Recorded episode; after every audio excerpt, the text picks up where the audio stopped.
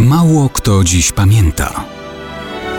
Datownik historyczny prezentuje Maciej Korkuć.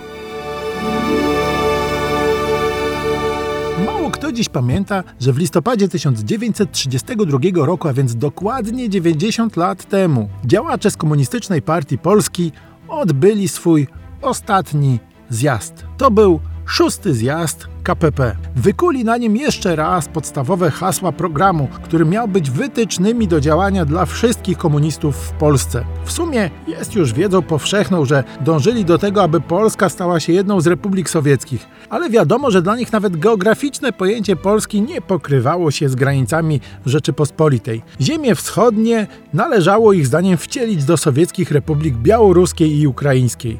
A co z ziemiami zachodnimi? Propaganda PRL wbija wbijała nam do głowy, że komuniści zawsze byli nośnikami postulatu granic na Odrze i Nysie Łużyckiej. To bajki dorobione na potrzeby propagandy z czasów powojennych. A co czytamy w materiałach i uchwałach szóstego zjazdu KPP z owego 1932 roku? Posłuchajmy. Imperializm polski ustanowił swe panowanie na Górnym Śląsku na mocy imperialistycznego traktatu wersalskiego, przez zdławienie walki rewolucyjnej proletariatu górnośląskiego, przez oszustwo plebiscytowe, przez rozpętanie nacjonalistycznej antyniemieckiej nagonki. KPP walczy o prawo każdego narodu ujarzmionego przez imperializm polski do całkowitego samookreślenia, aż do oderwania się od państwa polskiego. KPP mobilizuje masy pracujące na Górnym Śląsku, jak również na Pomorzu,